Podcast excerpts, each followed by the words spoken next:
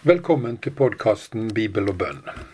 Mitt navn er Jens Thoresen. Jeg er pastor i Kristkirka på Stord. Neste gang du kan komme på gudstjeneste hos oss, er kommende søndag klokka tolv i Bjellandsveien 51.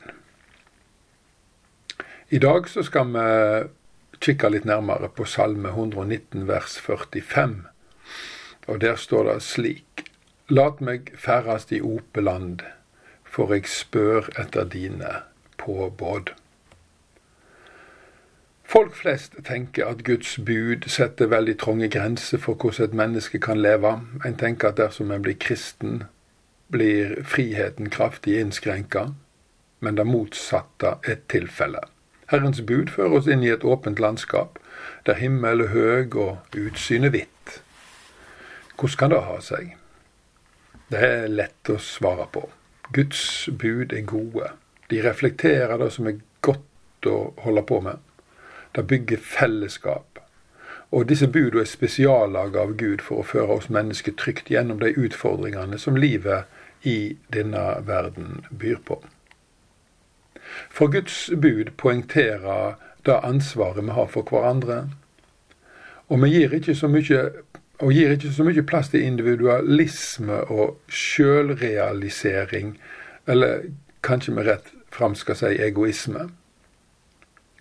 Gud ber oss om å fokusere på andre sine behov. Og når vi går inn og støtter og hjelper våre medmennesker, erfarer vi en enorm glede og frihet også for vår egen del. Dessuten så knytter vi nye kontakter og utvider på den måten våre egne liv. Guds bud fører oss ut i åpent landskap der vi ser veldig mye mer enn om vi hele tida pukker på at det er meg og min frihet til å disponere, disponere livet mitt etter eget ønske at det handler om. Jesus sier den som vil vinne livet sitt, skal miste det. Men den som taper livet for min skyld, eh, og i Markusevangeliet så legger han til for evangeliet sin skyld, han skal finne det.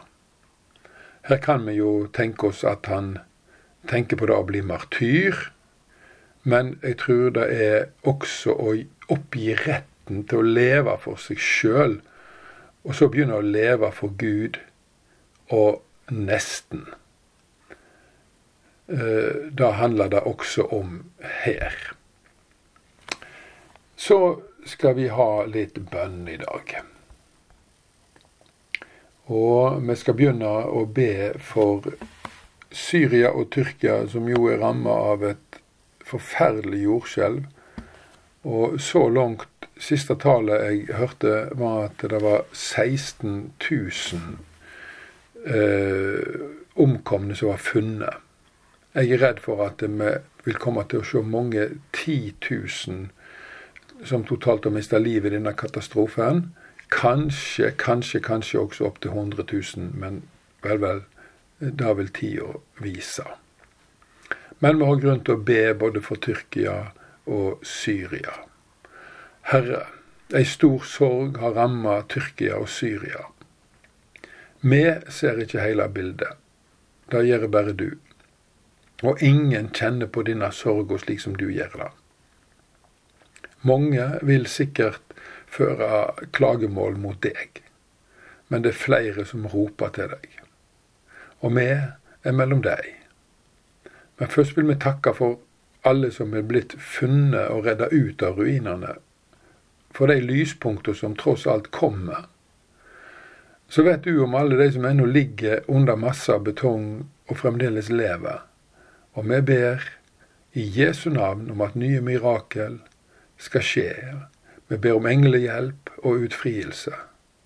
Vi ber om vern for redningsmannskap og for alle som grever etter sine kjære med skrøpelige redskaper, ofte bare med hendene. Se i nåde til de alle. Og når alt kommer til alt, la dette forferdelige som har skjedd både for tyrkere og syrere, eh, føre de nærmere ditt rike. I mange år har de gjort livet trangt for din menighet og for dine barn. Og jeg ber, tilgi de alt dette. Må disse ulykkene som nå skjer, motivere de til å søke vern hos deg, du som er den eneste sikre borg som finst. Amen.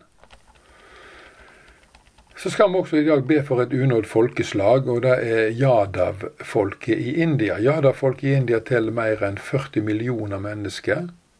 99,98% er hinduer. De er så unådde som det går an å bli. De, de er spredd utover hele landet. Opprinnelig så er de innvandrere fra Sentral-Asia, og de er aria, ariere som i sin tid lanserte denne Veda-kulturen i Indusdalen, som etter hvert ble definert som, som hinduismen, dvs. Si den indiske religion. Eh, Jadav-folket er av låg kaste og har for gammelt av rykte på seg å være tjua og ransmenn, men i dag er de å finne i et bredt spekter av yrke. Gode Gud og Far, du er den rette far for Jadav-folket i India. Med, men ennå så kjenner de ikke deg. Og vi ber nå, i Jesu navn, gjør deg kjent for dem.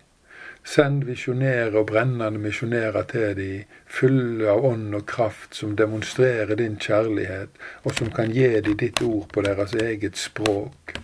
Herre, de trenger å forstå at du er den eneste som kan sette de fri fra synda og den evige dommen og et negativt karma, som de vil eh, uttrykke seg. Eh, disse folka er Krishna-dyrkere, eh, og jeg ber i ditt navn om at eh, Krishna skal tape sin glans og at herligdommen som stråler fram med Jesu Kristi ansikt, skal lyse sterkt mot de og dra fokus vekk ifra alle falske guder. Øst Den hellige ande utøver de slik at de ser sine synder, og at de ser at du, Jesus, er den som kan frelse de ifra all synd. Hjelp familiene å være gode mot hverandre og holde sammen i tjukt og tynt. Og vi ber også om at voksne skal leve edruelig og ansvarlige liv. Vi ser nå fram til at Jada-folket skal bli innlemma i din familie. At det skal etableres ei levende og dynamisk Jadav-kjerke som kan formidle deg til sine egne på en kraftfull og truverdig måte. Amen. Fader vår, du som er i himmelen. Lat navnet ditt helgast, lat riket ditt komme. Lat viljen din råde på jorda så som i himmelen. Gi oss i dag vårt daglige brød, og forlat oss vår skyld som vi òg forlet våre skyldmenn. Og før oss ikke ut i freisting, men frels oss fra det vonde. For riket er ditt og makta og æra i all eva. Må Herren velsigne deg og bevare deg.